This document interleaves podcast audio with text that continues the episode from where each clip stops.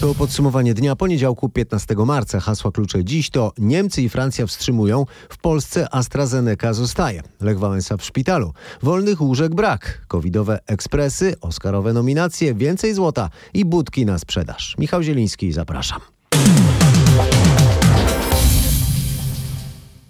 Polsce nie będzie zawieszenia szczepień preparatem firmy AstraZeneca. Taką decyzję podjęły dziś Niemcy i Francja, a wcześniej Włochy, Holandia, Irlandia, Norwegia, Dania czy Austria. Polski minister zdrowia ogłosił, że nie ma mowy o wstrzymaniu stosowania środka brytyjsko-szwedzkiego koncernu, a obawy co do jego stosowania pojawiły się po tym, e, jak kilka osób e, zmarło w różnych e, krajach z powodu zatoru. Mm, który poprzedziło właśnie szczepienie tym preparatem. Adam Niedzielski podkreślił, że niepożądane odczyny poszczepienne po podaniu tego preparatu zanotowano na przykład w Wielkiej Brytanii u pięciu pacjentów na tysiąc szczepień, w Polsce u czterech na tysiąc. Dodał, że europejskie władze medyczne również nie rekomendują zawieszania szczepień preparatem firmy AstraZeneca. Według informacji właśnie pochodzących z EMY e, mamy w tej chwili na obszarze e, Unii Europejskiej podanych blisko e, zaszczepionych blisko 5 milionów osób e, szczepionką AstraZeneca, bo przypomnę, że Wielka Brytania jest tutaj kwalifikowana jako już państwo funkcjonujące poza Unią Europejską. E, I tutaj mamy 30 przypadków takich zdarzeń zakrzepowo-zatorowych. One są zgłaszane EMIE poprzez e, właściwy system, natomiast również w żadnym z tych przypadków nie została potwierdzona relacja. My również E, dokonujemy tutaj e, szczegółowego badania i monitorowania tych przypadków, ale żaden e, z niepożądanych odczynów poszczepiennych w Polsce, również w przypadku AstraZeneca nie potwierdził jak do tej pory istnienia tego związku. Dlatego na tą chwilę oceniamy, że cały czas i to jest również opinia EMY, te korzyści wynikające ze szczepienia, wzrost bezpieczeństwa społecznego są o wiele większe niż ewentualne ryzyko przyjęcia szczepienia AstraZeneca, bo proszę mi uwierzyć, jeśli chodzi o kwestię zachorowalności, to na pewno zachorowanie ma o wiele większe ryzyko niż samo zaszczepienie. Mówił minister zdrowia Adam Niedzielski, a odpowiedzialny za program szczepień minister Michał Dworczyk przyznał, że część pacjentów nie chce się jednak szczepić tym preparatem. Pojawiają się e, takie informacje z punktów szczepień, że część pacjentów nie stawia się w umówionym e, terminie, natomiast w tym tygodniu będziemy mieli statystyki za e, tydzień poprzedni. Jeszcze w tej chwili dokładnymi takimi danymi nie dysponujemy, natomiast to nie są masowe, to, to nie jest masowe zjawisko. Mówił minister Michał Dworczyk, a skoro mówimy o szczepieniach za rok, ma być dostępnych kilka nowatorskich, lepszych szczepionek, e, przewiduje naczelny naukowiec Światowej Organizacji Zdrowia. Somia Słaminatan w wywiadzie dla Bloomberga oceniła, że pierwsze takie nowatorskie preparaty będą gotowe już po pełnych testach e, do wejścia na rynek pod koniec tego roku, a w przyszłym roku w sumie powinno być ich już na rynku od 6 do 8. Te środki mają być oparte na nowych technologiach, nie będą wymagać mrożenia, a nawet chłodzenia, będą jednodawkowe i podawane bez użycia strzykawki w formie sprayu do nosa albo plastra. W sumie testowanych jest na całym świecie teraz ponad 80 różnych szczepionek przeciwko koronawirusowi. Na całym globie podano w 120 paru krajach e, już 360 milionów dawek, najwięcej w Stanach Zjednoczonych 70 milionów i w Chinach ponad 60 milionów dawek. A w Polsce jutro pierwszą dawką ma być zaszczepiony 3 milionowy pacjent. Propozycje cyfrowych zaświadczeń szczepień dzisiaj e, przyjąć mają wieczorem wstępnie szefowie gabinetów unijnych komisarzy. Propozycja legislacyjna w tej sprawie zostanie przedstawiona po zatwierdzeniu jej przez kolegium komisarzy w środę. Chodzi o tzw. Tak zielony certyfikat, który ma ułatwić podróżowanie po krajach Unii w te wakacje. E, co zostało jeszcze do ustalenia? O tym z Brukseli Katarzyna Szymańska-Borgino. Sprawa, która musi zostać jeszcze rozstrzygnięta, która budzi wiele emocji, to kwestia uznania w tym zielonym certyfikacie szczepionek rosyjskich lub chińskich. Dotyczy to na przykład Węgier czy Słowacji, gdzie szczepi się szczepionkami, które nie zostały zatwierdzone przez Europejską Agencję Leków, ale są dopuszczone w tych krajach zgodnie z unijnym prawem w tak zwanym trybie ratunkowym. Unijny komisarz do spraw wymiaru sprawiedliwości Didier Reinders chce, by uwzględniono tylko szczepionki zatwierdzone przez Europejską Agencję Leków. Jednak prawnicy taki zapis mogliby podważyć. Dopracowywane są także kwestie ochrony danych. Certyfikaty będą wydawane na poziomie krajowym, ale sprawdzana będzie ich legalność. Przypomnę, taki dokument będzie zawierać trzy rubryki: informację o szczepionce, przebytym zakażeniu lub negatywnym teście na koronawirusa. Od dziś zaostrzone covidowe restrykcje obowiązują w czterech województwach. Do Warmii i Mazur i Pomorza dołączyły Mazowsze i Lubuskie. Ich mieszkańcy muszą się liczyć z ograniczeniami bliskimi pełnego lockdownu. Dla rodziców najbardziej uciążliwe będzie przejście nauczania w najmłodszych klasach 1-3 na tak zwany tryb hybrydowy, co oznacza, że tylko połowa uczniów może przebywać w szkole, a pozostali uczą się w domu w trybie zdalnym. Ograniczenia dotkną też innych dziedzin życia. Zamknięte zostaną kina, teatry, inne miejsca kultury, to między innymi galerie sztuki. A także galerie handlowe, w których będą mogły działać tylko apteki, drogerie i sklepy spożywcze. Obiekty sportowe tylko dla zawodowców i bez publiczności. Zamknięte będą baseny, sauny, siłownie i kluby fitness. Ograniczenia potrwają do świąt. Jeśli sytuacja będzie się pogarszać, regionalnych obostrzeń już nie będzie. Kolejne obostrzenia będą miały już charakter ogólnopolski. Zapowiada minister zdrowia. Warszawa, Tomasz Skory. Do kwestii tego możliwego pełnego lockdownu w święta wrócimy już za chwilę w podsumowaniu dnia. A teraz jeszcze o nauce hybrydowej, e, którą rozpoczęły dzieci z klas 1 do 3 w kolejnych dwóch województwach. Taka nauka hybrydowa oznacza, że w szkole może być co najwyżej połowa najmłodszych uczniów. Nasz reporter Michał Dobrowicz odwiedził podstawówkę numer 29 na warszawskim Powiślu. Pani dziecko dzisiaj jako jedno z nielicznych tutaj, nauka hybrydowa. Y, Zgadza się, ale cieszymy się, ponieważ jeszcze ten tydzień y, mamy tutaj stacjonarnie w szkole, więc mamy zajęcia i zajęcia dodatkowe. To mnie bardzo cieszy. Za tydzień już nie będzie pani w tak dobrym nastroju, bo dziecko będzie musiało zostać w domu. Tak, tak, najprawdopodobniej tak. No, myślimy o różnych opcjach pod tytułem babcia, więc y, no, aż tak nieszczęśliwi nie jesteśmy. Trochę skomplikowała państwu plany ta nauka hybrydowa. Delikatnie tak, tak, ale generalnie no, zdajemy sobie sprawę, w jakich czasach teraz żyjemy. I ta decyzja gdzieś tam zawsze była, że tak powiem, z tyłu głowy, y, że może się coś takiego w ogóle wydarzyć, więc y, no, jest okej. Jakie wrażenie robi szkoła? Pusto dzisiaj, prawda? Tak, ale my już jesteśmy trochę do tego przyzwyczajeni, ponieważ i tak od jakiegoś czasu y, te klasy 1-3 y, tylko chodzą do szkoły, więc rzeczywiście jest ogromna różnica. Jak zaczynaliśmy szkołę, bo my jesteśmy w pierwszej klasie i generalnie jak przychodziliśmy pierwszego dnia, no to tu się więcej działo, więcej się działo, a teraz jest troszeczkę pusto. Troszkę może wygląda to smutniej, ale generalnie dzieci nie narzekają na to. No, tak, myślę, że tak, że też nauczyciele mogą się skupić konkretnie, że tak powiem, na danej grupie i to też jakby ma swoje plusy. Kiedy dowiemy się, czy będzie wspomniany ogólnokrajowy lockdown, o tym już e, za chwilę. A teraz e, codzienny koronawirusowy bilans. Niemal 11 tysięcy nowych zakażeń w ciągu minionej doby. A to była niedziela. E, Takie dane o pandemii oznaczają spory wzrost z tygodnia na tydzień. E, Więcej szczegółów ma Paweł Balinowski. Nowe dane resortu zdrowia wyraźnie pokazują, że trzecia fala pandemii przybiera na sile. W porównaniu z poniedziałkiem w ubiegłym tygodniu liczba zakażeń wzrosła o 4,5 tysiąca. Szybko przybywa też zajętych przez zakażonych pacjentów łóżek. Ich liczba przekroczyła już 20 tysięcy. W ciągu ostatniej doby hospitalizowanych było 600 kolejnych chorych. W Kujawsko-Pomorskiem, Śląskiem, na Podkarpaciu i w Małopolsce proporcjonalnie do liczby mieszkańców najszybciej przybywa nowych zakażeń. Szybko ubywa natomiast wolnych respiratorów.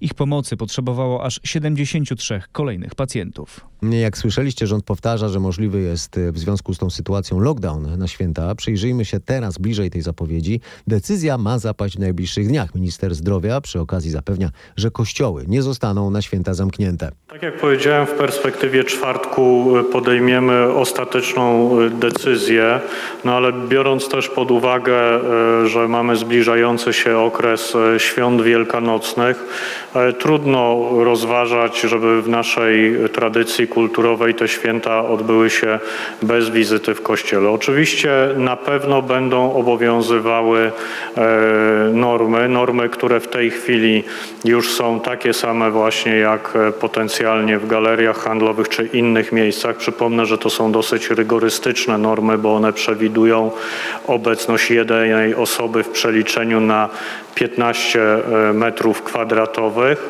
Także stosowanie tej normy mam nadzieję, że zapewni ewentualne bezpieczeństwo, ale o wszystkich decyzjach poinformujemy do czwartku. Jak słyszeliście, w szpitalach jest coraz mniej miejsc, gwałtownie rośnie liczba pacjentów, jest już ich ponad 20 tysięcy. Od wczoraj do szpitali w całym kraju przyjęto kolejnych 600 osób. Szybko ubywa też wolnych respiratorów. Przez ostatnie 24 godziny podłączono do nich ponad 70 pacjentów. To są chorzy w najcięższym stanie. Dramatyczna wręcz sytuacja jest w Krakowie. W szpitalach nie ma tam już miejsc na intensywnej terapii dla pacjentów z koronawirusem, więc chorzy przewożeni są do innych lecznictw w województwie. Zamknięto też część szpitalnych oddziałów ratunkowych dla pacjentów, którzy nie są zakażeni, o czym informuje nasz reporter Marek Wiosło. We wszystkich krakowskich szpitalach skończyły się już miejsca respiratorowe dla pacjentów z koronawirusem. Ci muszą być wysyłani do innych placówek w województwie. Przed szpitalnymi oddziałami ratunkowymi ustawiają się także karetki z pacjentami wymagającymi hospitalizacji. Wydłuża się też czas oczekiwania na pogotowie. Część SOR-ów przyjmuje tylko pacjentów z koronawirusem. Szpitalny oddział ratunkowy na terenie Jakubowskiego będzie przyjmował wyłącznie pacjentów covidowych, a w zakresie pacjentów niecovidowych to będą tylko i wyłącznie stany nagłe, które wymagają zaopatrzenia w obrębie Centrum Urazowego Medycyny Ratunkowej i Katastrof. Na intensywnej terapii w, w szpitalu na Jakubowskiego i szpitalu tymczasowych tych łóżek nie ma. Mówił dyrektor Szpitala Uniwersyteckiego w Krakowie Marcin Jędrychowski. Szpitalne oddziały ratunkowe dla wszystkich pacjentów działają już tylko w czterech krakowskich placówkach. W szpitalu imienia Jana Pawła II, MSWiA Świętego Rafała i w szpitalu imienia Ditla. Podobna sytuacja jest w Warszawie, gdzie kolejne oddziały są przekształcane na covidowe. Y, W stolicy bardzo trudna sytuacja jest w szpitalach tymczasowych, na Stadionie Narodowym i w Szpitalu Południowym, gdzie zostało już po kilka wolnych łóżek. To stan y, na dzisiejsze przedpołudnie. W Centralnym Szpitalu Klinicznym MSWiA jest y, leczonych już prawie 400 osób. Mariusz Piekarski opisywał y, dzisiaj na naszej antenie, jak wygląda sytuacja w tym największym szpitalu covidowym na Mazowszu. Jest bardzo źle. Dość powiedzieć, że pod respiratorem leczonych jest już kilkudziesięciu chorych. Są już nie tylko na oddziałach intensywnej terapii, ale respiratory porozstawiono także na kilku zwykłych oddziałach. Jak się dowiedziałem, aż dziewięciu pacjentów leczonych jest z użyciem ECMO, czyli z użyciem sztucznego płuco serca, które natlenia krew poza organizmem chorego. Jeszcze nigdy nie wykorzystywano tylu tych urządzeń jednocześnie. Trudna sytuacja jest na Stadionie Narodowym. Tam zostało 8 wolnych miejsc i być może w ciągu dwóch, trzech dni szpital na Narodowym uzyska kolejny 28-łóżkowy moduł. Nie więcej niż 10 miejsc zostało też w szpitalu południowym. W innych miejskich szpitalach jest teraz 19 wolnych miejsc covidowych i 13 respiratorów. Warszawa, Mariusz Piekarski.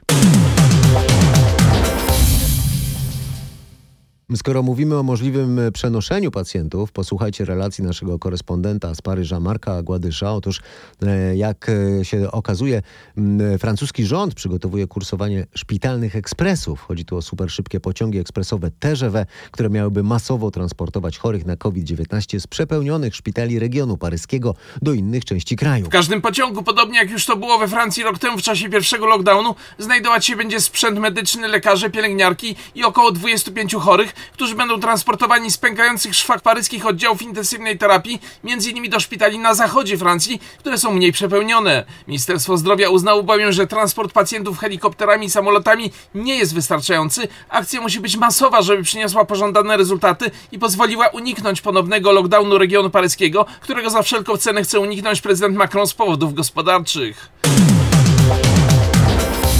Trzecia fala koronawirusa będzie nieznacznie mniejsza od drugiej, ostrzegają w najnowszej prognozie naukowcy Zespołu Covidowego Uniwersytetu Warszawskiego.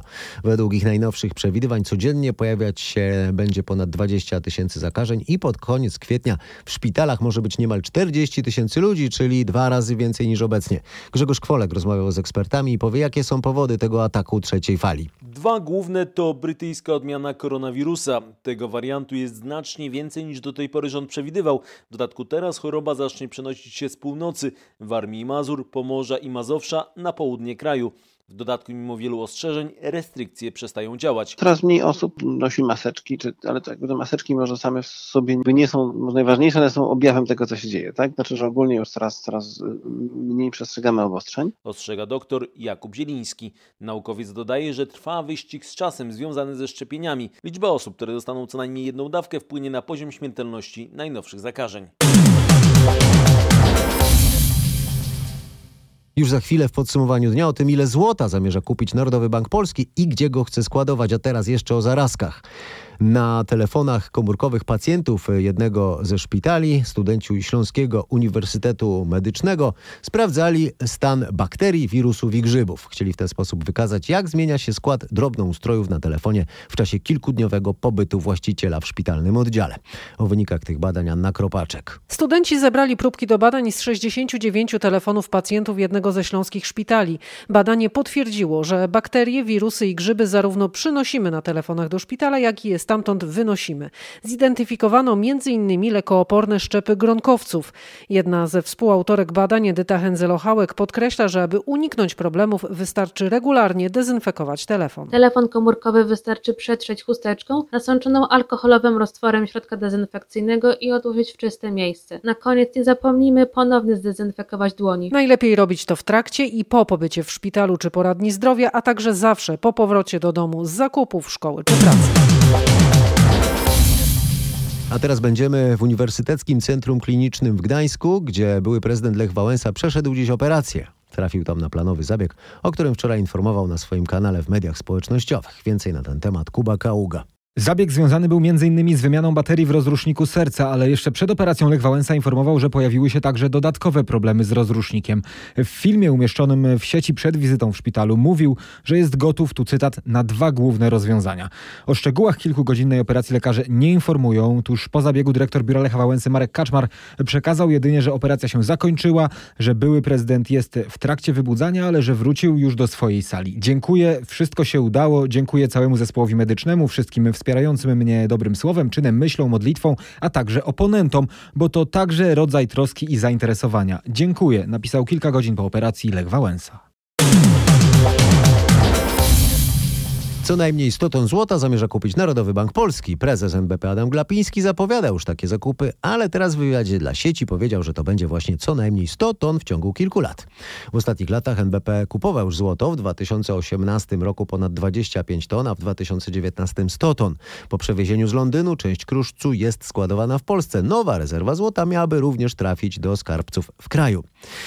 Te wspomniane ostatnie zakupy miały miejsce w czasie, gdy światowe ceny złota wahały się wokół poziomu 1300 dolarów za uncję. W czasie pandemii cena przekroczyła po raz pierwszy w historii 2000 dolarów. Obecnie spadła do poziomu 1700 dolarów za uncję i wielu ekspertów ocenia, że to tylko korekta, po której nastąpi ponowny wzrost napędzany m.in. inflacją spodziewaną na skutek dodruku pieniądza na nienotowaną skalę. Historycznie złoto było zawsze godnym zaufania zabezpieczeniem majątku w czasie, gdy waluty traciły wartość na skutek inflacji czy dewaluacji złoty kruszec pozostawał uniwersalnym i pewnym nośnikiem wartości. Od lipca przez rok każdy właściciel nieruchomości będzie musiał wpisać do Centralnej Ewidencji Emisyjności Budynków rodzaj używanego ogrzewania.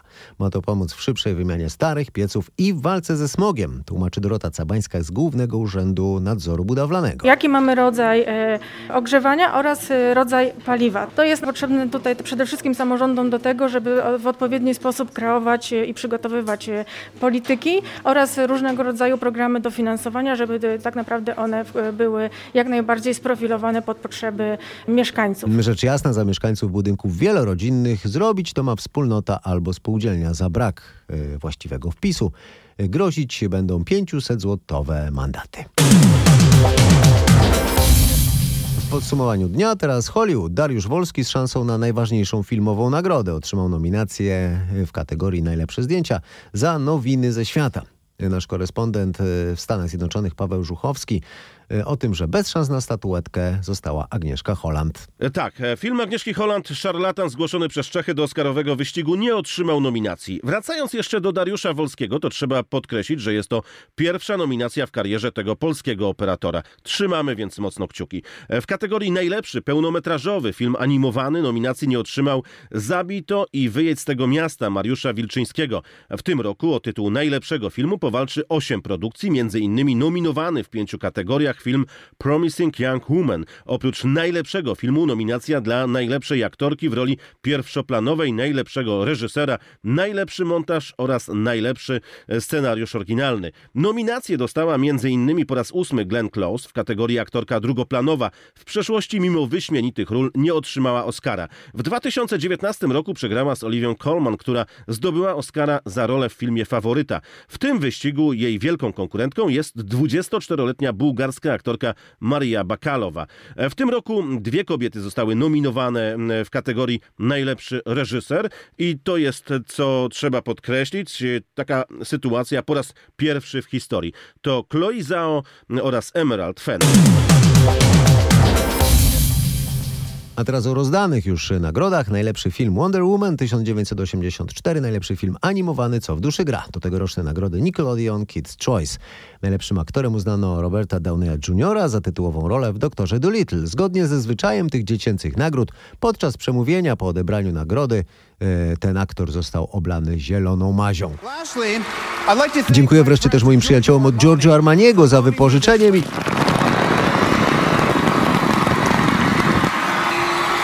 za wypożyczenie tego pięknego garnituru, który dam teraz do pralni i wspólnie uczynimy ziemię bardziej zieloną.